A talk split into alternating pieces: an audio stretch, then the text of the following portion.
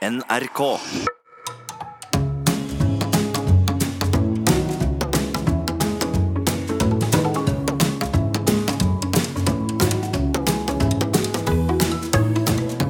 Hjertelig velkommen til Sånn er du her på P2, hvor kjente mennesker legger seg frivillig under personlighetsanalyselupen, og da på en vitenskapelig måte får målt sine karaktertrekk. I studio sitter Nils Brenna. Ja, det stemmer. Og jeg, Harald Eia, og med oss i dag har vi, hjertelig velkommen til deg, stylist Jan Thomas. Takk. Du, det er noen mennesker som føles som om de i særlig grad representerer den nye tid, og for meg og for mange andre så tror jeg du var et sånt menneske da du ble en offentlig person i Norge. Det var rundt 2004 omtrent. Ja, ish. Mm, stemmer. Og da hadde Norge jo vært eh, velstående en god stund, men de hadde vel fortsatt et slags selvbilde som nøysomme og uglamorøse, men så kom du. Du brakte Hollywood til Norge. Du sa nå er vi blitt rike, nå må vi leve som eh, vi, sånn som vi har det. Det, er helt, var akkurat det jeg sa. Så du var noe veldig sånn unorsk eh, med deg, og du fikk jo en del eh, kritikk, Ja kanskje til og med hån. Ja, ja. Eh, Og, og måten du håndterte det på, eh, fra mitt ståsted, så virker det som det bet liksom ikke på da, all denne negativiteten. Nei, nei, nei. Jeg, jeg, da var jeg såpass amerikansk i huet at jeg tenkte at uh, så lenge de snakker om meg uh, Det var det jeg ville. Jeg måtte jo skrike og hyle og lage litt bråk, for jeg hadde jo noe å si, men ingen ville høre på. Og da tenkte jeg at da gjør jeg det jeg gjør aller best. Jeg, eh, jeg bare er meg. Og så, og så får man deale med konsekvensen av det. Men for, for Det var det jeg lurte på den gangen, og fortsatt lurer på nå. Og nå, gir du noe av svaret på det. var en slags metode du hadde, en slags filosofi. For jeg lurte på om det var lot du som, eller gikk det så lite innpå deg som det gjorde? Det er jo sånne ting vi skal svare på i dag, Nils. Hva, hva er fasaden din, Jan Thomas? Den er ikke-eksisterende. Den, ja, altså den fasaden min er det at jeg, jeg eh, i, i syvende klasse eh, Jeg hadde bodd på en liten øy utenfor Bergen og gjorde barneskolen min der. Og så flyttet vi tilbake til Skien, hvor jeg skulle begynne på ungdomsskolen. Første kull på Gullset ungdomsskole. Første dag. Så kommer jeg inn i skolegården, og så kommer det en gutter opp og så sier de at du, er du jente eller gutt? Og så er jeg intet kjønn. Eh, så det ble liksom kallenavnet mitt på ungdomsskolen. Og så gikk jeg hjem den dagen, og jeg forsto da at jeg hadde møtt fordommer og, og, og mobbing. Og det var opp til meg hvorvidt jeg ville, ville ta det til meg og la det plage meg. Så sa jeg ikke F. Altså, Jeg kan ikke endre meg på bekostning av, av hvem jeg er. Dette er jo mitt DNA, og sånn har jeg vært resten av livet. Så du tok deg ikke så nær av det, egentlig? Nei, nei, nei, nei. nei.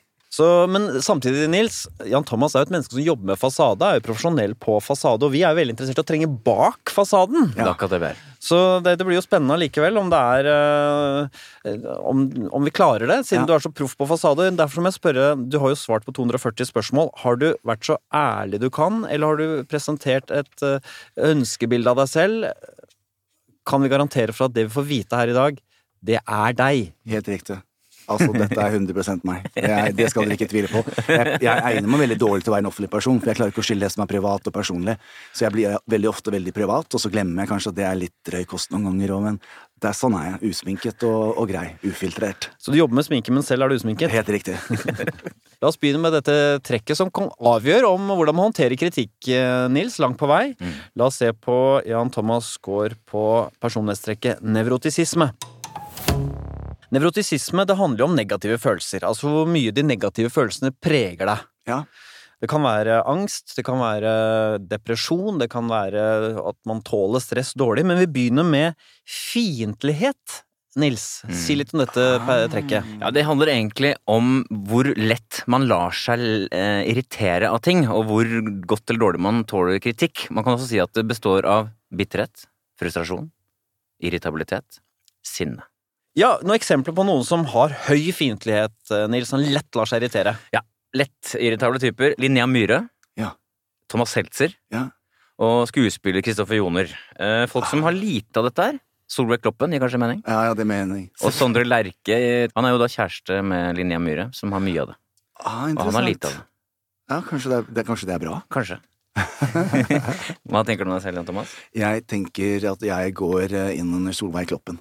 Det er helt riktig. Du er Jeg kan minne om scoren, Harald. eh, 50 i gjennomsnitt. Og det går ikke ned til null, ikke opp til 100, så under 45 allerede begynner det å bli lavt. Ja.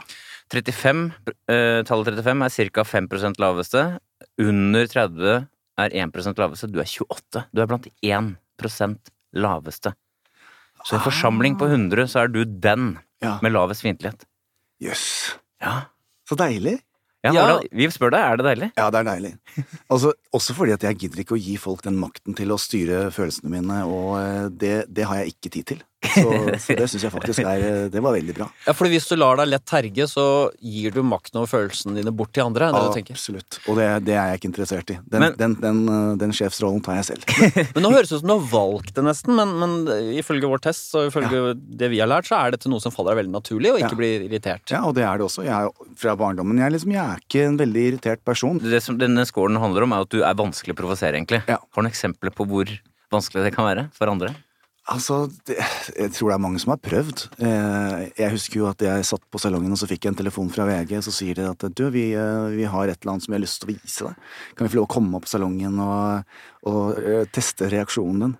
Nei, altså, men for all del, må dere absolutt gjøre. Og da kommer de opp mannsterke, så setter de meg ned, og så viser de meg Fantomas. Eh, Ja, den animasjonsserien som gikk i 2009. Helt riktig. Og, og da tror jeg det at det var litt av dette De hadde nok forventet sikkert en helt annen reaksjon. Eh, men min reaksjon var jeg applauderte. Jeg syntes den var helt fantastisk. Jeg elsket jo Fantomas. Så eh, Kristoffer, not so much.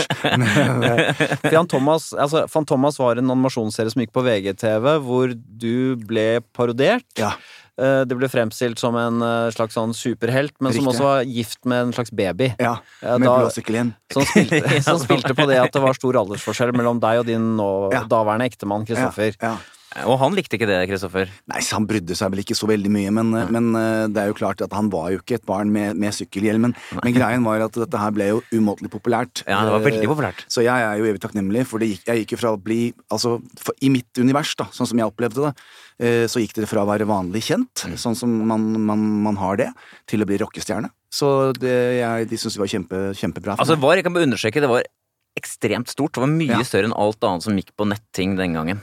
Ja, og det var det. første, og, og uansett hvor jeg var, og, og så, så sto barn og sang, og Det det. eh, Og da gikk det virkelig aldri noe inn på det. Var Aldri sånn at du kjente en liten snev irritasjon. Nei, nei, nei, nei. Jeg, jeg brukte det for hva det var verdt. Men, men det lurer jeg på, fordi eh, folk som mobber Jeg vil jo tenke at jeg har ikke mobba noe særlig sjøl. Jeg har nok ikke vært eller den som har beskytta mobbeofrene. Jeg mener sjøl at Nei, jeg ikke har vært mobber, mobber, men uh, jeg har nok kanskje vært litt ertete. Ja, ja, ja. Men jeg, den, jeg tenker på en klassisk mobbing, Ja. tenker jeg sånn dag ut og dag inn. En sånn gjeng som Nettopp. Uh, Og det- og det er, I sum så føler jeg mottatt like mye som har gitt. Men da er det jo to skoler, på en måte, sånn som jeg tenker det. Det ene er at det er gøy at uh, mobbeofre begynner å grine og bli lei seg av sinne. Men på den annen side må det være veldig irriterende med et menneske som ikke tar det inn over seg. Nå skal jeg fader meg holde på til du Har du Var det opplevd noe sånn oppførsel fra dine mobbere i Skien, for eksempel? At de, eller ga de seg når du, du bare trakk på skuldrene? de bare ga seg. Ja, de gjorde det. hadde, du, hadde du en tidlig bevissthet om at du var annerledes enn de andre barna? På noen måte? Ja, ja, jeg hadde en tidlig bevissthet, men, men greien var jo det at uh, for det første så hadde vi jo ikke telefon når jeg jeg var liten, uh, og vi hadde sort-hvitt-TV. Vi fikk farge-TV da jeg gikk i syvende klasse, uh, og da kom det et veldig populært show på som het Dynastiet. Da var det en karakter som het Steven, Ja. som var gay. Ja. Eh, Men gay for meg, du kunne, altså det kunne vært hva som helst. Jeg har aldri hørt ordet gay, jeg, så, så det forsto jo ikke jeg. Men, og på denne tiden her så hadde jeg jo jentekjærester, og det funket jo greit, det, Ja, okay. Ja, for det gjorde det, faktisk. Ja, det var helt ålreit, da. Ja. Ja, så jeg, Ja, Du ble seksuelt tent av dem også, eller? ja, jeg, synes, jeg, for jeg er en veldig seksuell person. Ja. Så jeg, synes, jeg er open-minded, så jeg syns det var bare gøy. Ja. Det var, Hvor, hvor gammel var du da, sa du? jeg, jeg, tror, jeg begynte vel uh, ganske aktivt i syvende klasse. Det var det, nettopp. Jeg, begynte veldig ung, jeg. ja. Ja. Hadde, Men, men, bare for å skjønne, hadde du, du hadde en seksuelle debut som 13-åring? ja, jeg tror kanskje også litt før det. Jeg, jeg tror i sjette klasse så hadde jeg min seksuelle debut. Med en annen jente på Ja, trinnet? ja, da hadde jeg ingen eh, Da hadde jeg eh, Jeg hadde vel Jo, jeg hadde en runkekompis i syvende klasse. Ja, du hadde Ja. det, ja. Ja. Men jeg må spørre, var, du da, var det lettere å ha sex enn å ha kjærlighetsfølelser for en eh, jente? Ja, nei, altså det, var, det syns jeg var Jeg syns alltid at sex med kjærlighet og følelser er bedre enn bare sex-sex. så, du var, så du var også forelsket i jenter, rett og slett? det var jeg. Mm. Ja. Men har du vært forelska i jenter de siste 20 åra? Skal vi se har Nja Forelsket og forelsket, det har jeg vel ikke. Jan Thomas har da lav score på fiendtlighet, som gjør han til en alt annet enn nevrotiker. Mm. Men eh, nevrotisisme inneholder jo mange andre underdimensjoner også. Få en liten oversikt her, Nils. Ja, altså I sum på faktoren nevrotisisme, som blant annet har uh, fiendtlighet under seg, så er du også svært lav, 32. Det vil si at du er 2-3% laveste. Du er altså blant de 2-3% minst nevrotiske. Uplaget type. Veldig uplaget. Det vil si, og bare for å ta det helt konkret, du er svært lav på engstelse, det bekymrer deg lite. Sant? Du er svært lav på depresjon, du er veldig lite sånn nedstemt. Mhm. Og så er du jo da, som jeg snakka om, veldig lav på fiendtlighet. Og så er du lav på det som heter sårbarhet for stress. Du, du takler Du står godt i stress hvis det Ja. skulle dukke opp. Ja. Og så er det en til som eh, eh, Som heter selvbevissthet. Som er en sånn type hvor plaget er du av andres blikk på deg, skamfølelse, sjenanse og sånne ting. Eh, der er det også lav. Altså. Mm. Gir det mening? Ja. Ja. Alle Men- de tingene der gir mening for meg. Men det er én underdimensjon hvor Jan Thomas scorer høyt. Ja, og det er, det, og det er, en, det er en underdimensjon som kanskje ikke er helt intuitivt at eh, ligger under nevrosisme. Det er det som heter uh, impulsivitet. Det vil si eh, at du gir etter At du lar deg lokke til fristelser. Eksempel stappe i deg ting og sånn. Helt riktig. Hva er det du kan stappe i deg? Ah, Melkesjokolade. Den, den snakker til meg når jeg er på butikken. Det er sånn som i reklamen. Ja, den, den, og jeg snakker til den. Eh, For jeg later jo som ikke jeg skal at jeg kjøper til den andre. Eh, Det, eh, helt klart. eh, Hvis noen står på flyplassen og sier 'Å, har du prøvd denne parfymen eller denne øyekremen som får deg Å, å herregud, ja! Så kjøper jeg med en gang. Så jeg er veldig sånn Så du har kjøpt mye på impuls. ja, ja, ja. Og impulskjøp i, i forhold til klær og alt, men, men det er helt riktig. Men når du stapper i disse Du gjør det ikke så åpenbart ikke så ofte med de sjokoladene. Lørdager. Det er lørdager, ja. Men jeg kan da jeg kan spise dere under bordet lett. Hvor mye kan du spise sjokolade? I hvert fall fire av de store, svære platene. er Lett, og jeg kan bevise det. Vi kan, vi kan gjøre det og sammen. Freia burde lage en ny størrelse som Det er er mer en slags sånn. JT-størrelse. Og bare for å ta Hvor stor er den? Det er, Det er den største. Den, den største Den ganger fire? Den aller største Ganger gange fire. Jeg kjøper ofte Hva- to melkesjokolader og to firkløvere. Men hvorfor legger du ikke på deg mer? Har du en tanke om at all den sjokoladen glir gjennom fordøyelsessystemet ditt uten at uh, tarmtottene rekker å plukke opp Ja, eh, jeg tror, også trener jeg sånn et par ganger om dagen. Ja, det det. Så, så, så det, det Ja. er jo eh, Så jeg er toppidrettsutøver, egentlig. Da kan du Ja. spise hva du vil. Ja, ja, det, og det er det mange toppidretts, Ja. toppidrettsutøvere som gjør. Altså, du går, men er det sånn som går opp litt i helgene, og så tar du det resten Nei, for det er bare den ene lørdagskvelden, Ja, og søndag er det woho, full fart igjen. Jeg har aldri heller frivillig tenkt at nå skal jeg gå på polet, for det er fredag. Ja. Jeg har, for jeg drikker ikke nødvendigvis frivillig, jeg syns ikke det er noe godt. Eh, og ikke er det godt med Jeg ikke røyker, jeg ikke snuser, jeg ikke gjør noe dop eller sånne ting, men er, dopet mitt, det er den sjokoladen. Altså, det er det helt eh, Da blir jeg så glad. Vel, så du er altså et eh, menneske som er lite plaget av negative følelser, men er du da velsignet, hvis det går an å si det, Nils? For her rangerer vi ikke, vi bare sorterer, så det er ikke om å gjøre at noe er bedre enn noe annet eller noe. Vi skal se Jan Thomas score på personlighetstrekket ekstroversjon.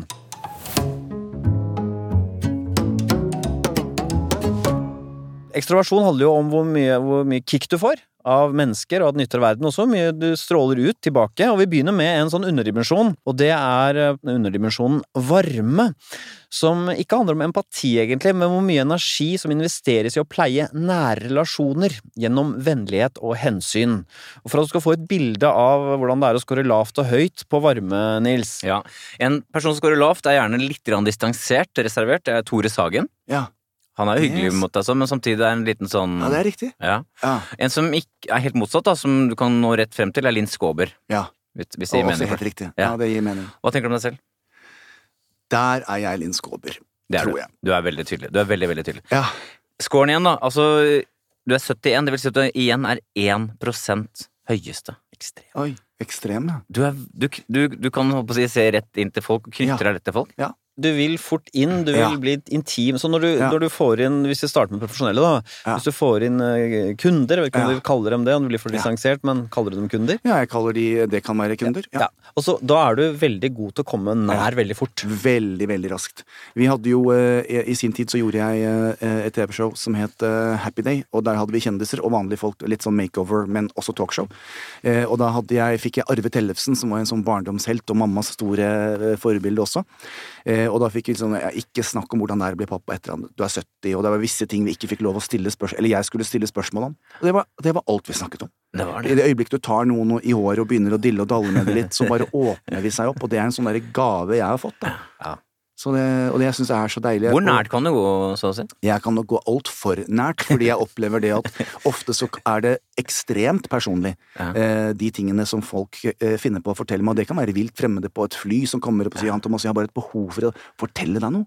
Og så kommer det også en historie. Men er- tenker du at de plukker opp at du har, denne, at Ja. er, du har en sånn nærhet ved deg? Ja, altså Hvis vi setter ting i perspektiv, da når Kristoffer og jeg, eh, eksmannen min og min businesspartner de har vært ute og reiste, det er jo ingen i sine fulle fem som tør å gå opp til han, eh, verken å klemme han eller noe annet. Men mens meg så løper de opp i, i grupper. Oh, ja. Gutter og jenter i alle aldre, og menn og alle. Så alle skal klemme og si hei og har et eller annet å, å komme med, da. Ja, så, men så han hadde ikke den utstrålingen sånn sett, da? Nei, han er veldig Reservert? reservert og, og det er ikke han mottagelig for.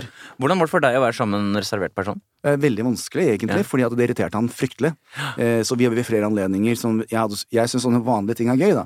Så jeg for eksempel tenker at oi, ho, ho, nå skal jeg kjøre til Ikea, og så skal vi kjøpe et eller annet. Bare vi kom i parkeringsplassen og folk begynte å titte litt, eh, så ble han illsint. Så Ja, måtte vi dra hjem igjen. Oh, ja. Så vi Mens du syns det egentlig var ganske hyggelig når folk kom bort for å slå en prat? Ja, det syns jeg vel. For du liker folk, er jo det den høye skåren. Du liker folk. Ja, ja, ja. Elsker mennesker. Ja. Og, og, og, og så er det litt av at dette her er et valg jeg har tatt. Eh, og, og, og jeg har jobbet veldig, veldig veldig hardt med å, å, å, å være og få vise folk den personen jeg er, da. Mm. Eh, og det var jo det som irriterte Kristoffer i dette tilfellet her, at du åh, må du ta bilde med alle, må Ja, du, ja, må ja, du, ja. må du. Men syns jeg bare er gøy. Så lenge ikke det er lys ovenifra så jeg blir stygg. Du må ha ganske mange nære venner. Nei, altså det er jo det jeg ikke har. Jeg, nære venner så kan jeg telle på en hånd. Eh, Jeg er veldig, veldig, veldig veldig få jeg slipper inn i, i uh, den indre sirkelen, da. Som jeg Ja, for det er interessant, Nils. Ifølge testen så skulle folk som scorer så høyt på varme, ha veldig mange nære venner. Ja, i hvert fall så det, Men det vi Ja, jeg er enig. Jeg skal prøve å forstå det, for at du, du kommer jo veldig lett tett inn på og nært folk. Ja. Ikke sant? Ja. Men hvorfor slipper du ikke flere tettere inn på deg? Eh, Det, ja, det kan du si. Jeg tror det kommer tilbake litt, og dette er jo dette paradokset i forhold til det som har blitt kategorisert som sosial angst. Ja, det. Eh, når jeg er Jan Thomas og jeg er ute, så er det liksom full fest. Det, da byr jeg opp, det er ikke noe problem. Ja. Men eh, når jeg kommer hjem, og det er litt sånn greie, jeg har en sånn greie på det, jeg holder masse foredrag, og det siste slidet mitt på noen av de, der står det Hustle until you don't have to introduce yourself anymore. Mm. Det er en sånn metaforisk sak. Det har jeg klart. Det er ikke sånn at du tenker 'Å ja, er det han med det røde håret?' De vet med en gang.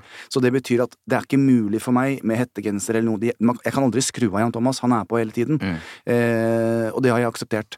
Slik at når jeg da kommer hjem, så har ikke jeg behov for så mye mennesker. Da er jeg ytterst privat, og, og jeg syns også det er litt sånn slitsomt. Og, så det er veldig få som kommer hjem til meg og sitter i sofaen. Men når du da er i en samtale hvor du går nært på folk, Mm. kan du da også by mye på deg selv, tross alt? Ja, Det kan du gjøre. ja merkelig nok. Når Ja, jeg er i en sånn offentlig rolle, så gjør det meg ingenting. Nei. Da er jeg kjempepersonlig og veldig privat. Ja, riktig. Men dette er jo interessant også, Nils, for oss, fordi eh, vi har jo, vi har jo diskutert en del dette med varme, for det er mange som tenker på det som en type sånn uh, At det er det samme som empati og det sånn, men det er mer det, med, med mangel av et bedre ord, det er en slags mer en slags sånn eh, vennlighet, egentlig, Ja. enn en en veldig sånn dyp uh, relasjonsskapende Ja, jeg er enig. Jeg mener at det er en slags inkluderingskraft i det å score høyt på åpnet Nei, på ekstraart varme.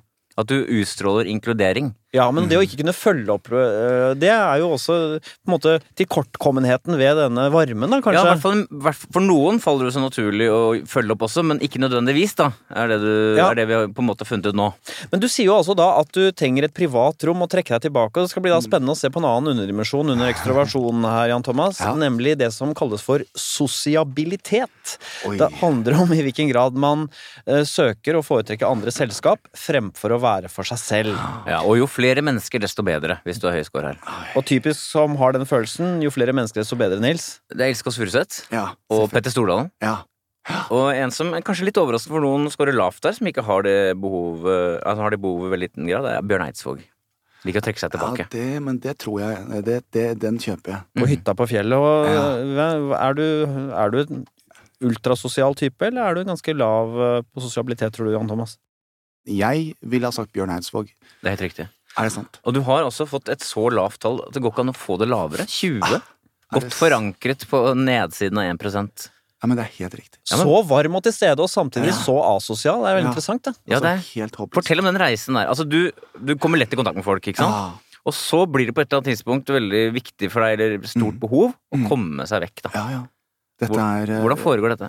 Eh, jeg, jeg, jeg, godt spørsmål, for det har alltid vært sånn. Eh, jeg elsker alenetid. Jeg, jeg er veldig mye alene. Så også før det ble kjent, egentlig. Ja, ja, ja. Så det er ikke en kjendisskade, så å si. Nei. Nei. nei. Og jeg måtte gå tilbake og spørre barndomsvenner av meg hvorvidt jeg var sånn. Jeg har alltid likt å leke alene og, og, og være mye alene når jeg ikke er ute. Og, jeg har funnet frem til det at jeg er aldri ensom, men jeg er mye alene. Ja. Hvor lenge kan du være alene? Åh, uten å engasjere det et par, et par uker, tre uker. Lett, da. Sier du det? Det er veldig i den retningen her. ja. For hva ville skjedd hvis du på en eller annen måte ble tvunget til å være sammen med folk hele tiden? Ja, det kan jeg fortelle deg, eh, eh, som er relevant her hjemme. Eh, eh, I ekteskapet mitt, Kristoffer har jo en, en voldsom familie. Eh, og det er for langt å dra hele historien nå, men det er, det er som mammaer og pappaer, og det er full, full fart overalt. Eh, og tanter og kusiner og brødre og gudene vet hva. Så huset var veldig ofte fullt av folk. Eh, og dette ga jo meg panikk. Eh, Fordi at når jeg kommer hjem, så må jeg være alene. Jeg klarer ikke den støyen fra, fra, fra mennesker. Og det, det er Jeg har venner av meg som er ekstremt sosiale, som jeg elsker. Jeg kan altså ikke dra på besøk. Fordi jeg vet at da er huset stappfullt fra morgen til kveld. Du, på en måte så går du på en scene, og så Ja. går du bare av scenen og, Mm. alene, og, og bare- vil være alene. Det er litt sånn? Ja. Det, jeg er ikke en sånn mann som du bare kommer og banker på døren. Nei. Det kan være min beste Vendela kan komme og banke på, jeg åpner ikke. Nei, det gjør ikke det. For det gjør du ikke. Nei. Vendela ser at du kommer i kikkehullet. Ja. og at, Men hun eh, ville ikke ha gjort det, for vi har bare vi, Hun vet Men har at noen gang noen kommet hjem til deg, og du har ikke lukket opp? Mange ganger. Ja, det har det. Ja. Men det er ikke noe flaut for deg Nei, det er ikke noe flaut. Og det sier jeg, altså, dere må ikke komme. Det er ikke noe sånn du kan bare svinge forbi og banke. Men det, du er jo ofte ute og gir sånne vet dere, terningkast og kjoler og sånn. Men du er jo ikke så, er du, du er ikke så mye ute på Jeg er ting aldri der. Du er ikke det? Nei, nei, nei. Du bare ser det på en skjerm i, morgenen i borgen din. Har jeg folk som gjør for meg. Eh, så I have people in low places. Så du går ikke på rød løper Nei, og er på sånne fester? Du er ikke det? Ekstroversjon handler jo om blant annet hvor mye energi du får av nytter ytre verden, og positive følelser er jo selvfølgelig en viktig bestanddel her. Altså hvor eh, mye glede man opplever, og hvilken kraft man uttrykker det.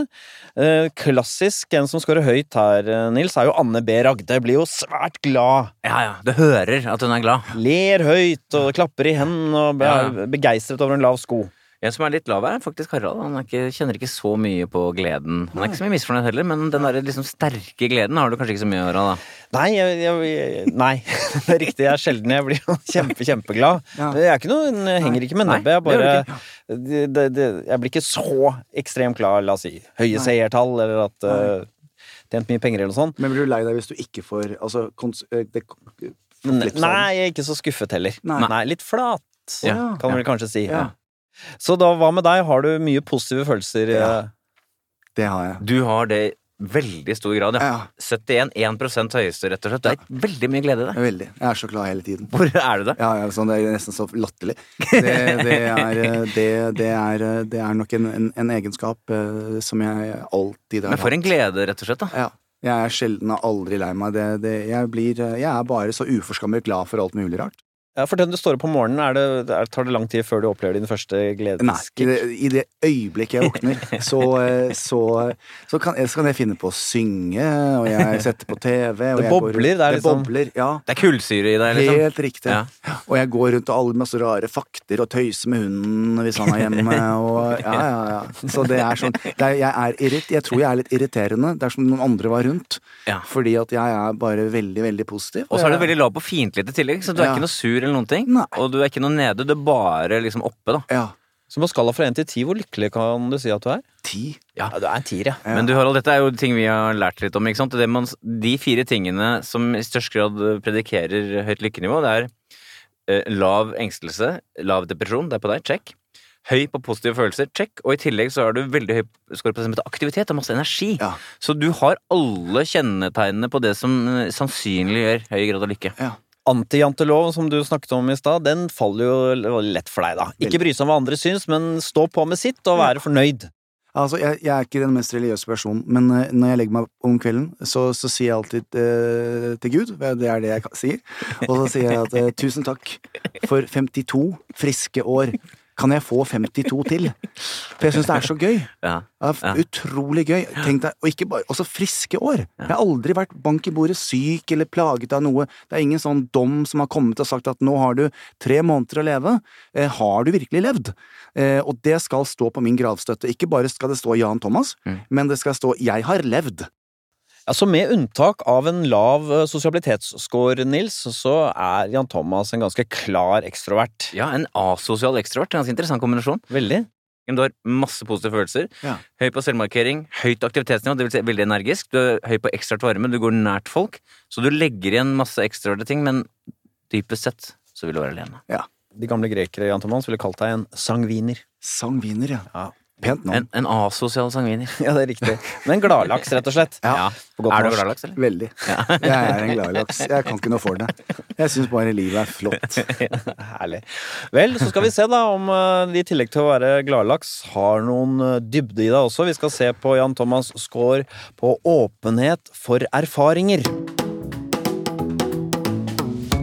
Åpenhet for erfaringer det handler om eh, ikke hvor åpen man er med å bare fortelle folk om hva man føler og tenker, men eh, i, i hvilken grad man eh, møter verden med store, åpne øyne. Er nysgjerrig, ikke sant? Og Har man fantasi? Blir man påvirket av estetiske opplevelser? Og vi begynner da med en underdimensjon under åpenhet for erfaringer som heter åpenhet for følelser, hvor mottagelig du er for egne og andres følelser. Nå Ja. himler du med øynene, men Ja. før du gjetter, så bare så folk får et bilde av hva som kjennetegner folk med, som skårer høyt på åpne for følelser, Nils. Ja, som liksom lar følelsene spille en stor rolle i livet sitt. Ja, det er jo Else Kåss Furuseth, Ja. Pernille Sørensen og Trond-Viggo Torgersen. De er veldig sånn Ja. følelsesorienterte. Intuisjonen betyr mye for dem. Mm. Og så har vi folk som er lave. Alpinist Kjetil Jansrud. eh, Og ganske interessant, forfatter Erlend Lo.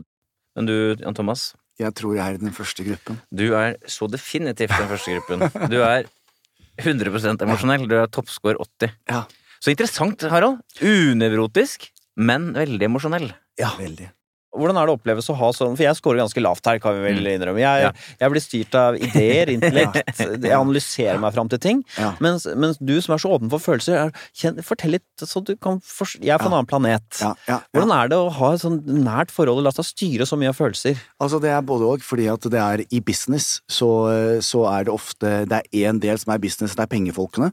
Eh, og de er jo ikke styrt av følelser i det hele tatt. De, de skal ha fakta og tall, eh, og da detter jeg litt ut alltid. Jeg er veldig sånn visuell, som tegner bilder og, og, og, Ja. og, la meg forføre av en, en setting og, kroppsspråk og alle de tingene der. Du lar deg lure, vil jeg si, da, som scorer lavt. Men, men det er ikke det du Ofte kan du ha rett, selvfølgelig, Ja, men ja, du, lar deg, du, du forfølger da, og du tror på den følelsen, Ja. gode følelsen du får av Ja.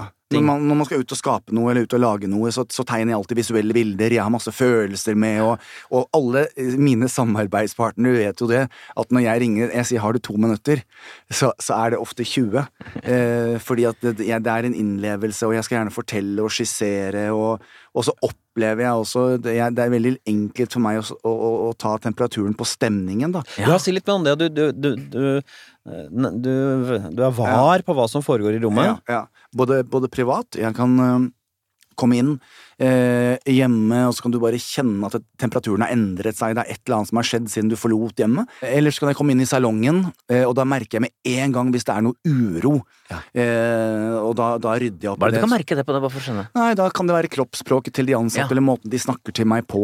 Så forholdet du har vært i, hvis kjæresten din har sagt eh, nei, det er ingenting, og så sier du jo, men jeg merker at det er noe, Mm. eh, da har du som regel rett. Da har jeg alltid rett. Har du? Jeg, ja, ja, ja. Hva kan, jeg- det- hva kan det være plukket opp da, for eksempel? Da kan det være en situasjon, noe jeg har sagt eller gjort, eller noe som, eh, som da ikke har blitt luftet, som bare ligger der og trykker.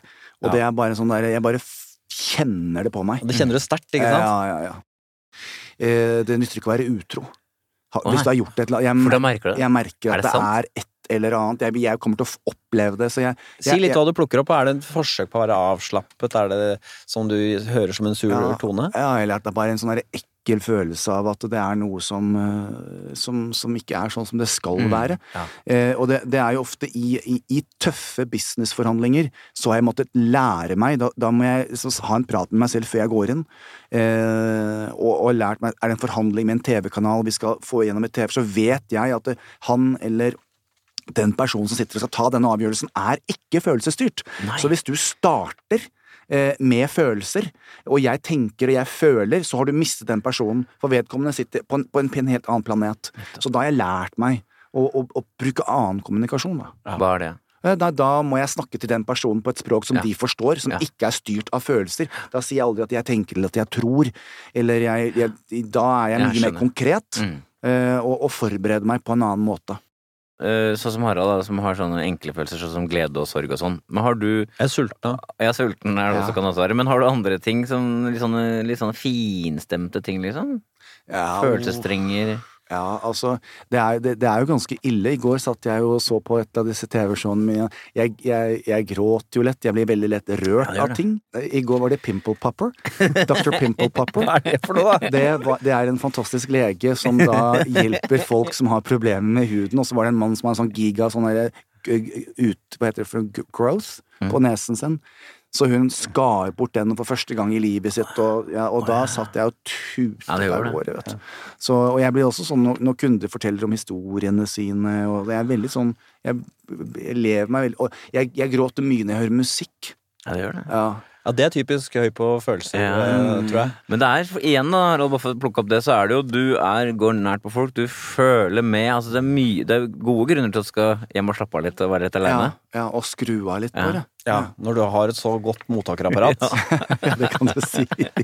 En uh, dimensjon ved det å være åpen eh, er åpenhet for handlinger. Det, men det handler om om man er interessert i å gjøre nye ting. Ja. Besøke nye steder, forsøke ny mat, ikke sant?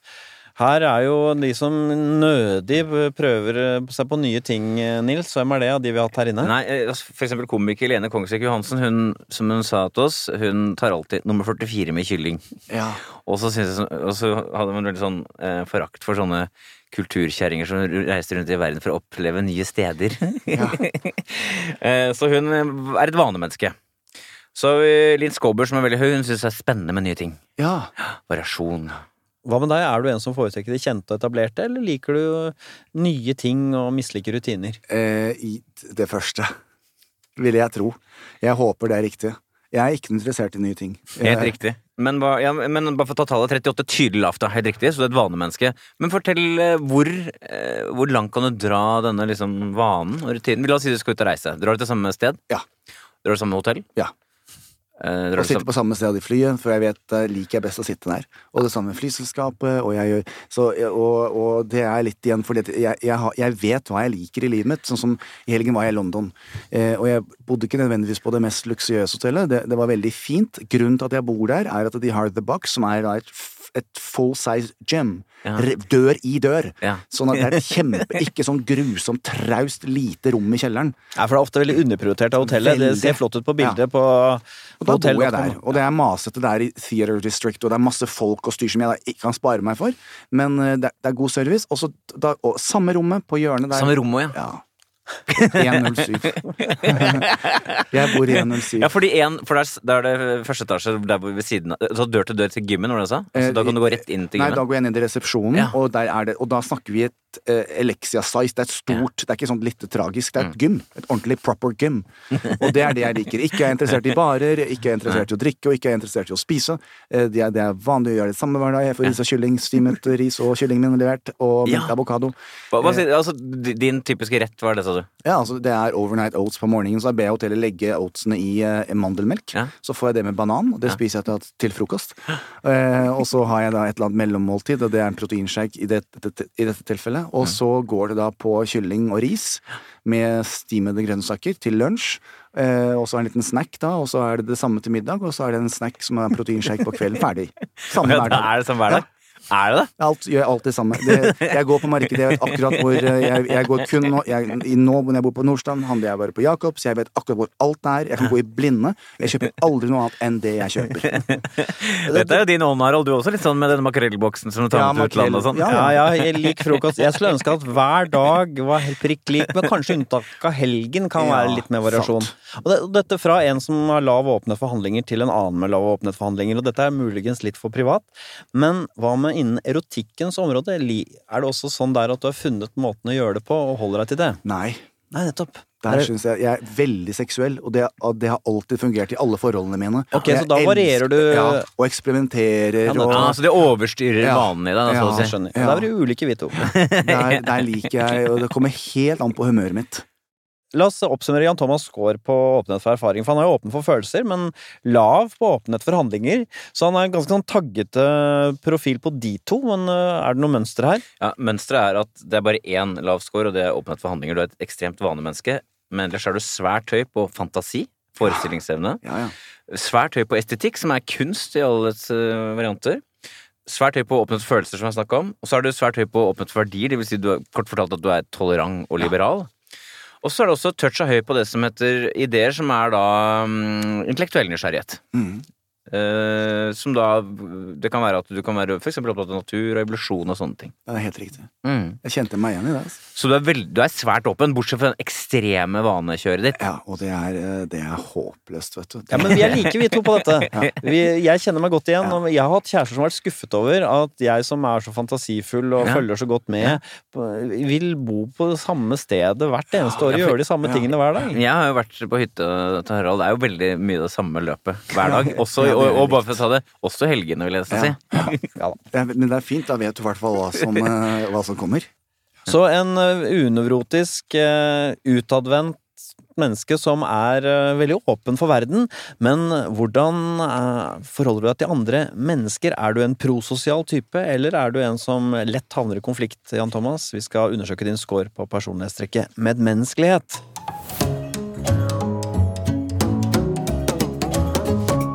Medmenneskelighet det handler om egenskaper som samarbeidsvilje, medfølelse, hjelpsomhet.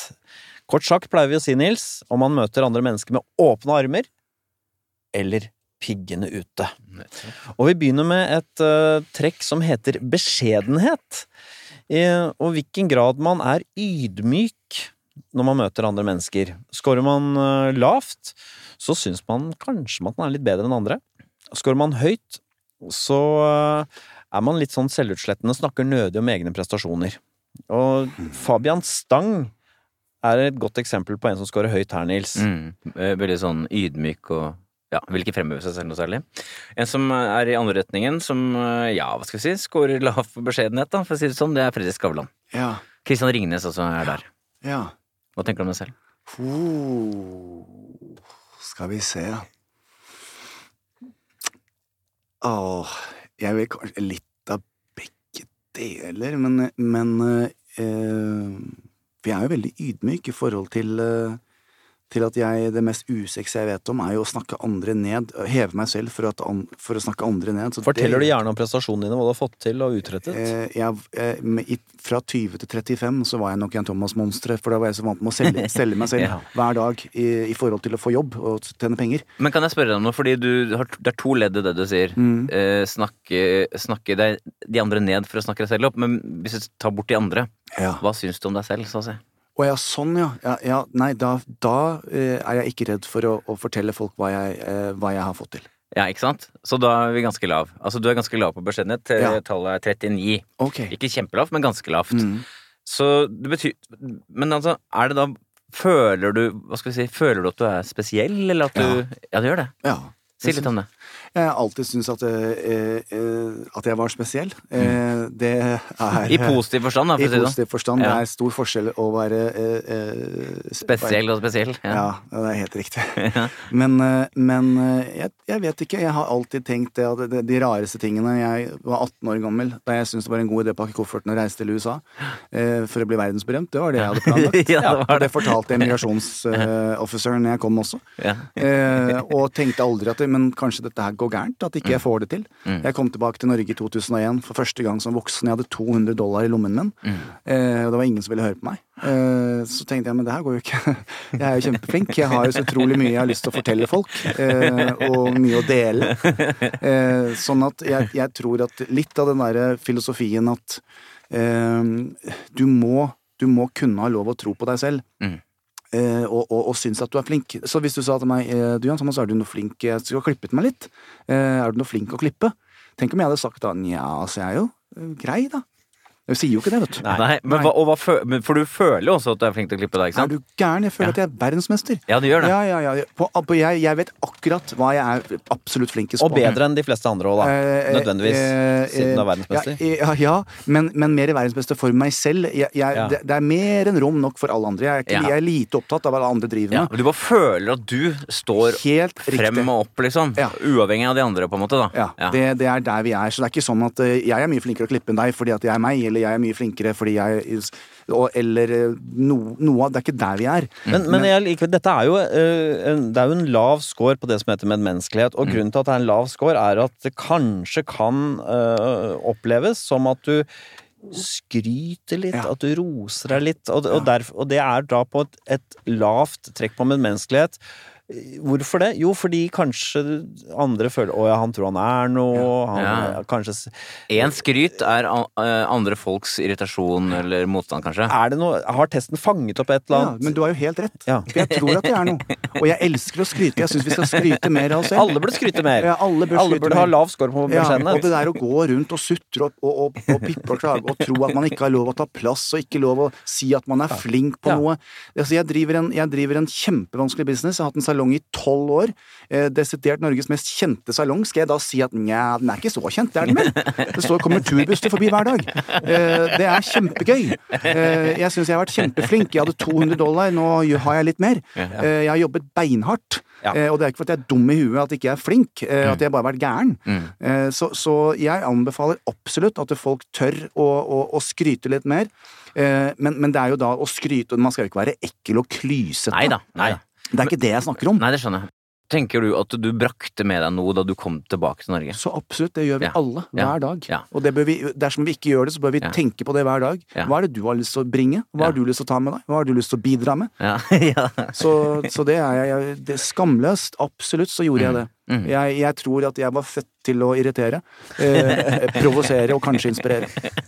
Ja, fordi du tenker denne ubeskjedenheten din som en type inspirasjon Ja. for andre, ikke at du breier deg Nei, nei, på bekostning av andre. Akkurat dette her scorer Jan Thomas lavt på, da, på, ifølge vår test på medmenneskelighet. Men eh, medmenneskelighet inneholder mye mer enn beskjedenhet, ubeskjedenhet, Nils. Altruisme, empati, sånne ting. Hvordan ligger Jan Thomas an her? Når det gjelder medmenneskelighet som faktor, så er det på snitt. Mm. Men under her så scorer du da svært høyt på hva skal vi si, de klassiske medmenneskelighetstrekkene empati og altruisme. Det vil si at du er hjelpsom. Mm. Du er hjelpsom og empatisk. Det scorer du veldig høyt på. Mm.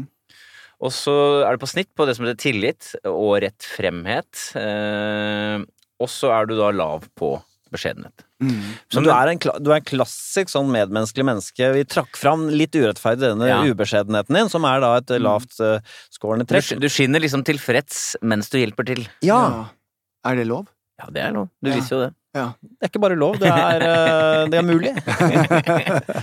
Det at du fremhever at du er anti-jantelov, det kunne være litt sånn eh, ikke sant? Det kunne være noen sånn eh, Noen litt ufyselige ved at vi skal alle slå oss for brystet og være supre, men du, har et, du har et genuint ønske om å gjøre andre menneskers liv bedre. Ja. Så langt som du har nådd, Jan Thomas, det får du ikke til bare ved å være snill og empatisk. Vi skal se på hvordan du scorer på trekket planmessighet.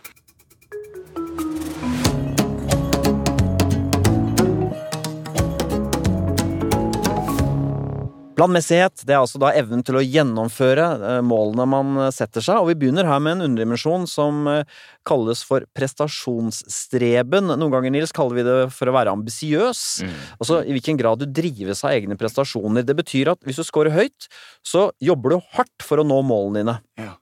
Scorer du lavt, så ja, du kan oppleve sånn litt sånn planløs. Du bare Ja, så fikk jeg den jobben, og så gjorde jeg ditt, og så bare datt det i fanget på meg. Så noen som er klassisk lave her, som ikke legger noen sånne planer eller setter noen mål, Nils. Det er brødrene Sagen. Det er Steinar og Tore Sagen. Ja. det er ganske avslappet Ja, på det om de ikke kommer seg Ja. så veldig langt av gårde. Motsatt uh, enden av skalaen, finansminister Siv Jensen. Veldig klare mål og vil dit. Samme også Knausgård. Mm. Setter seg store mål og vil dit. ja. Hva med deg selv? Knausgård. Helt riktig. Altså, det er, jeg tenker stort. Jeg har aldri vært redd for det. Alle Du er, andre du er ekstrem. Jeg sier tallet 77. Ekstremt høyt. Ekstremt høyt. Det går jeg med. Jeg, Ja. den, den kjøper jeg. Fortell, da. Tenker stort. Tenker stort. Det, alle andre er så veldig opptatt av å trykke deg ned. ikke sant? Har det seg, mamma gjorde det med kjærlighet når jeg Ja. drømte som barn om å reise til USA og bli modell. Og ja, du er en pen gutt, Jan, men det er mange, mange som er mye penere enn deg. Og det er sånn typisk sånn eh, Du er flink, men du er ikke så flink. Ja, ja. Så i dag så er jeg eh, Og det har jeg vært i veldig veldig mange år. Jeg, jeg setter store, ambisiøse jeg- Når jeg kom til USA, så skulle jeg bli verdensberømt, og jeg skulle få en Oscar. Jeg, så jeg, Du gjorde det? Du tenkte sånn, ja? Mm. ja. Oscar for hva, holdt jeg på å si? Eh, Som skuespiller i en eller annen Ja. film. Jeg visste Ja. ikke da. Jeg, var Ja. jo så ung. ja. Eh, La du en plan da? Hva er lurt å gjøre for å få ja, Oscar? Ja, ja, da gikk jeg og auditionet for Stella Adler, verdens beste skuespillerskole, til dags dato er det. Kom inn der, studerte det. og jobbet hardt. Og, så jeg, jeg har alltid jeg legger en god plan. Eh, da jeg kom til Norge, sånn som folk sier til meg at det er ikke noe tilfeldig. Det er jo ingen som, jeg synes det er ingen som ville høre et ord om meg. Hvis ikke jeg lagde støy og bråk og, og fikk oppmerksomhet, så hadde ikke jeg sittet her i dag og kunne snakke eh, om de tingene som faktisk betyr noe for meg. Så det var nøye uttenkt? Eh, absolutt. Eh, og alt har vært en strategi. Eh, og, og i dag så er det også sånn at når jeg eh, har disse være produktserien min i fire land, eh, vi, er nummer én der. Eh, mitt mål i år, i 2019, er litt sånn mindre sånn som dette her, da. Eh, så ikke noe Kjendisfarmen og sånne ting. Eh, eh, fag, nå har jeg veldig lyst til å se om jeg kan doble omsetningen fra i fjor. Ja. Eh, og hvordan gjør jeg det? Mm. Det er gøy. Det, gir liksom Ja. mening og Ja, når jeg selger mest maskarer i hele Norge, men jeg selger dobbelt så mange, hvordan får jeg til det? For jeg Ja. har den beste. Eh, Så sånn har jeg blitt, dette året her har jeg lyst til å være litt sånn fag-Jan. Ja. Og reise litt rundt og undervise litt og, og være til stede for folk og hjelpe de og, og få dette her til selv, da. Så da er det sånn, da setter du deg ned og prøver å analysere og Helt, se det for deg, og så gjør du det alene, eller? Eh, nei, da har jeg eh, eh, Plan B, managementet mitt, Ja, som setter ja. seg ned, og så lager jeg en strategi sammen med de. Så sier jeg 'jeg vil hit'. Ja. Eh, og hvordan gjør vi det? Og så og så har jeg jo enorme samarbeidspartnere. Ja. Igjen, der var jeg så unorsk, for å si det, men det er, de er store, da. Ja. Men- og, så, vil jeg gjerne lage en felles eh, strategi på hvordan vi skal komme oss i mål. Eh, for det er, det, er, det er litt vanskelig å, å være noe mer enn å holde seg der. Eh, du vil jo veldig gjerne ikke dale. Og det er mange andre som eh, også prøver å være Ja. nummer én. Ja. Hvis man, leser eh, den, eh, hvis man leser testen du har tatt, så står det at folk som har så høye scorer som deg på prestasjonsstreben, og nå siterer jeg, kan oppleve at arbeidet tar overhånd, noe som går utover familie, fritid, venner og deres eget velvære. Yes. Hvor mye kan du jobbe? Døgnet rundt. Og elsker å jobbe og syns det er fryktelig vanskelig sånn når, når, hvis det skulle bli stille rundt meg. Um, Men gå utover andre ting. Si litt Ja, om det. ja, ja, og det, det kan, jeg kan gjøre det veldig veldig tydelig. En referanse som Norge kan forholde seg til. Eh, Det var jo ekteskapet mitt. Det eksisterte jo eh, på sofaen hjemme. Eh, Og vi jobbet sammen, og vi drev businessene våre sammen. Så i det øyeblikket vi skulle ha det gøy, eller være, prøve å gjøre noe som ikke var jobb, så måtte man ut og reise. Men det hjalp jo ikke det heller. Så jeg ville jo sagt at eh, en av de store grunnene til at vi ikke fortsatte som, som ektefolk, det var jo at det ble for mye jobb. Ja. Vi Rett og slett glemte jobb hele tida, nesten, Ja, egentlig. og vi glemte å være kjærester, og vi glemte å ta vare på hverandre og finne de øyeblikkene, for det var alltid en ansatt, et produkt, en logo. Eh, om du var i Vi satt på stranden i Mauritius når vi, du skal være romantisk og ha det gøy, og, og diskuterte Plutselig ble det jobb igjen. Ja. Ja, for det, det opplever vel mange sånne par som jobber sammen, at mange lurer på er det ikke vanskelig dere som er kjærester jobbe sammen. Nei, det vanskelige er å gå tilbake til å være kjæreste igjen. Ja, og og ikke, ikke snakke jobb. Eh, så det, er- så det, det preger jo livet ditt. eh, Men du har veldig hang til det òg, da, ikke sant? Hadde han Ja. det også, eller var han også Ja. orientert på den måten? Så Ja. der var det like, da. Men, men det betyr jo Eller betyr det at eh, i en fremtid, hvis du vil ha deg en kjæreste, klarer du å skru det til henne, eller? Ja, det vet jeg ikke. Det syns jeg er et godt spørsmål, for jeg, jeg vet at i dag så, så har jeg eh, tatt meg et bevisst valg. At eh, akkurat det er det ikke plass til i livet mitt. Nei. Eh, jeg, jeg velger det bort. For den lille, ytterst lille fritiden jeg har, eh, den går med til å, å sove, spise og, og trene. Eh, og akkurat nå så orker jeg ikke å måtte forholde meg til Men likevel, Harald, så gir han seg selv en tier på lykkeskalaen. Ja. jeg Tenk på det.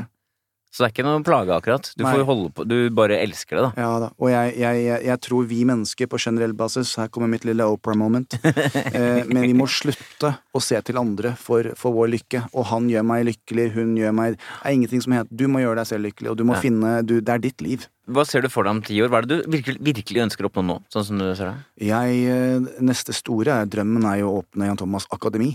Eh, Ja. En skole Ja. for, for sånne som meg, som har lyst til å inn i denne bransjen og beherske hår, makeup og klær. Ja. Eh, så, så det er noe jeg jobber, jobber Er det vanskelig, for å stille et rart spørsmål, kanskje? Det er jo ingenting som er lett, uh, syns jeg. Men, eh, men jeg, jeg, gjennom hardt arbeid så skal jeg få til det også. Jeg, Mm. jeg har fått til det meste. Har du som mål da at Lånekassa skal støtte Ja, det å ta absolutt. utdanning? Det, det, det Ja. insisterer jeg på. Så Ja, du hvis gjør det. Ja, hvis for å Erna få det skikkelig status ja, på det. Ja. Ikke bare status, men uh, vi, må, vi må begynne å bidra og hjelpe også dette faget her, som er et, Mm. veldig, viktig, et veldig viktig fag. Det er ikke et fjase- og tøysefag. Ja, veldig mange vil jo si at det er eh, nesten eh, kommer sist i prioriteringsrekken av hva folk bør lære seg å kunne, da. Mm. All den tid er jo eh, kommer, er langt etter helse, ikke sant, vitenskap. Hva er ditt svar på det? Hvorfor er sånne ting så viktige? Altså helse, sånn skjønnhet, utseende Det, jeg tror ikke skjønnhet og utseende nødvendigvis er det viktigste. Det viktigste er jo det at man eh, rett og slett eh, eh, føler seg eh, fin, at man føler seg eh, sett. For da blir man et bedre menneske også.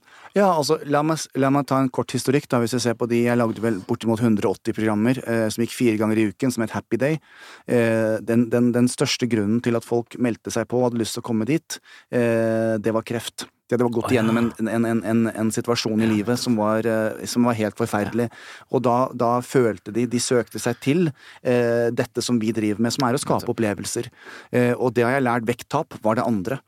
Eh, slik at jeg opplever ikke at jeg står og klipper, at jeg står og sminker, at jeg står og styler. Jeg opplever at jeg står og skaper opplevelser. Så, så, så dette faget her har jo egentlig ikke noe grunnleggende dybde akkurat med det. Det er ikke så viktig det der utseendegreiene, men det at du mestrer og at du føler deg fin og du kan bruke det. Og så er det den proffe delen av det. Eh, har det seg være politikere. Eh, De fleste norske politikere har misforstått litt, men, men eh, i forhold til å bruke hår, klær og makeup som kommunikasjon, det å gå inn og ta en scene osv. Så, videre, så Jeg har jo brukt 38 år på å, å, å lære det jeg har lært, og jeg er ikke, hold, jeg er ikke halvveis Du ser jo, Erna Solberg er vel et eksempel på en som tross alt har gjort noen forbedringer. Eh, ja. Det er noen. Noen. Ja. Et lite stykke på vei. Men, Men, det var jo, men det ja. var jo litt grei forklaring der når det kommer inn kreften der og Absolutt. sånne ting. Ja, ja. ja Så for jeg tenker, at, ja. jeg tenker jo Min personlige filosofi rundt det er at eh, tradisjonelt har samfunnet vært dominert av sånne som meg, som er scorer lavt på sånn gleden over skjønnhet og, og tenker mer enn jeg føler. Ja. Så nå når samfunnet endrer seg og kvinnene får mer makt, det blir litt mer mangfold, så kommer den erkjennelsen at uh, hvordan du ser ut faktisk betyr mye mer enn sånne som meg har skjønt, da. Ja. Så jeg er veldig åpen for det. Men Jan Thomas han er da meget ambisiøs, men planmessighet handler jo om andre ting også. Det handler jo om hvor mye orden man har, om man eh, har selvdisiplin. Hvordan ligger Jan Thomas an her, eh, Nils? Hvis vi holdt en bjelle her nå, så kunne vi brukt den, for dette er high score på planmessighet. Du har fått tallet 77, den gamle rekorden, eh, hadde Siv Jensen, finansministeren vår, Oi! på 75. Så du er da helt, helt oppunder maksscore på planmessighet. Du har da tydelig høy score på alle underområder, det vil si kompetanse. Du har stor tro på deg selv, eh, føler deg kyndig og effektiv. Og så har du høy score på orden, du er strukturert og metodisk. Og så har du også høy score på plikttroskap. Eh, det vil si at du tar liksom etikk og lover og regler på alvor. Ja. Du kunne vært en god soldat, for å si Ja. på den måten. Ja. Så har du veldig høy score på prestasjonsstreben, så rommer ambisiøsitet, som jeg snakket om. Også meget høy selvdisiplin. Og kanskje litt overraskende, siden du er så høy på impulsivitet, du er høy på betenksomhet. Det vil si at du tar, foretar grundige analyser før du tar beslutninger, tross Ja. alt. I business, heldigvis. Ikke sant? Jo, jeg tenker på at det sjokoladeeksempelet er ganske godt, fordi du gir etter for impulsen, men Ja. bare én gang i uken. Ja, ja, ja, ja, ikke sant? Hvis du hadde vært ansatt et sted, Ja. så hadde du vært en drømmeansatt. Ja, og, og eh, nå, skal jo ikke jeg, nå skal jeg bare si takk, men da jeg var eh, for å tjene litt ekstra penger i USA, så jobbet jeg som sånn fragrance model på Nordstrom, som var et eh, typ eh, Senostrøm kjøpesenter. Hva kalte du modellen? Eh, Nordstrom. Nei, men frag- Fragrance. Ja, eh, fragrance, eh, Parfymemodell. Ja, man står sånn Oh, hi, do you want to try Obsession? Ja, ja, ja. og, og da ble jeg altså eh, best salgsperson i avdelingen Du ble første det, ja. måneden. Nettopp. Så jeg var veldig ordentlig, kom tidlig, og, og da solgte Ja. jeg mer parfyme enn noen andre. Ja, Så hvis jeg gjør noe, så må jeg, gjøre, så må jeg alltid Jeg liker ikke å være nummer to. Så, du er ikke, så man kunne, hvis man tror at dette er en litt sånn uh, lettbeint overfladisk type sånn sett, uh, nei, da tar man feil. Da. er helt riktig. Altså, jeg setter ting på spissen. Jeg er ute og, og, og Det kan jo hende at jeg er i utlandet og, og shopper litt. Og jeg vet ikke om dere vet dette, nå skal jeg lære dere. Uh, Når dere kommer til Gardermoen, så har dere egentlig bare lov å ta med dere varer for 6000 kroner. Ja. Alt over det skal fortolles. Ja. Jeg er så ordentlig. Da sitter jeg, etter jeg har vært på shopping, så organiserer jeg alle kvitteringene mine. Og for å hjelpe tollerne, for de har et veldig treigt system, så skriver jeg ned hva alt er bukse, sånn. Jeg også gjør utregningen fra dollar til norske Er kroner. Ja, alt. Og så går jeg på rødt. Og så sier jeg vær så god. Da, da har jeg ordnet mye, så, for det tar så lang tid. Ja, det gjør det. Det er jo Ja. for en For en eksemplarisk drømmereisende. Ja, men det er, og det er også sånn eh, Og det er bare FYI til alle der ute. Husk, 6000 kroner. Tar du med deg mer inn til Norge og, og går på grønt, så kan du få en kjempebot, bli tatt fra varene, eh, og det er ikke noe hyggelig. Fordi selv om du er på en måte litt sånn påvirket av amerikansk kultur, det norske skattesystemet, det slutter du lojalt opp om. Fy fader, det tuller du ikke med. Nei, Nei. det må du, der må du oppføre deg ordentlig. Vel, Jan Thomas, vi har gått gjennom fem personlighetsdimensjoner. Det har vært eh, oppturer, eh, stort sett, eh, bare, for oss alle. Men la oss forsøke å knytte sammen eh, trådene igjen. Her kommer Jan Thomas oppsummert. Jan Thomas, vi startet jo ut med en slags eh, litt sånn, ikke mistenksomhet akkurat, men et lite spørsmål om det var sånn at det bildet du presenterte og presenterer for det norske folk, er deg. Ja. Om det er noe bak masken. Du insisterte jo på at det ikke var det. Og uh, ifølge vår test, Nils, så er jo Jan Thomas den vi tror vi er. Uh, du er unevrotisk. Du blir ikke sur og sint. Uh, du er varm, du, og du er et følelsesmenneske. Og du er kreativ, men det folk kanskje ikke ser, er denne voldsomme målbevisstheten. Mm. For den, den, du mykner den opp litt med all din litt sånn vennlighet og 'jeg tror på deg' og Det ser man ikke, den forretningsmannen. Nei, det er riktig, og så vil jeg kanskje legge til at man tror kanskje at dette er en veldig sosial type når man først ser ham, være så tydelig til stede. Men nå skal dere vite at det er deilig å være aleine, altså. Nå har det behovet. Er det noe du vil forandre ved deg selv, Jan Thomas? Nei, virkelig ikke. Det har jeg ikke tid til. En tier skal ikke forandre på seg. Nei, altså det, vi er, men, men nei, sånn kan jeg ikke drive med. Eh, Når jeg ser tilbake eller på, på livet mitt i dag. Så det, det, det folk skal vite, at i det, øyeblikket der jeg er, er der jeg aller helst mest vil være. Og jeg gjør ingenting jeg ikke vil lenger. Så det, sånn driver jeg ikke på. Så jeg, det, det er noe jeg er ganske, ganske sånn altså på akkurat de tingene der. Du klarer deg, klarer deg fint. Ja. Måten du ordner det på. Jeg tror det. Ja. Føles bra. Du, Takk for at du kom hit. Takk for at du deler med deg selv og alt det du gir til norske folk. Lykke til videre. Takk.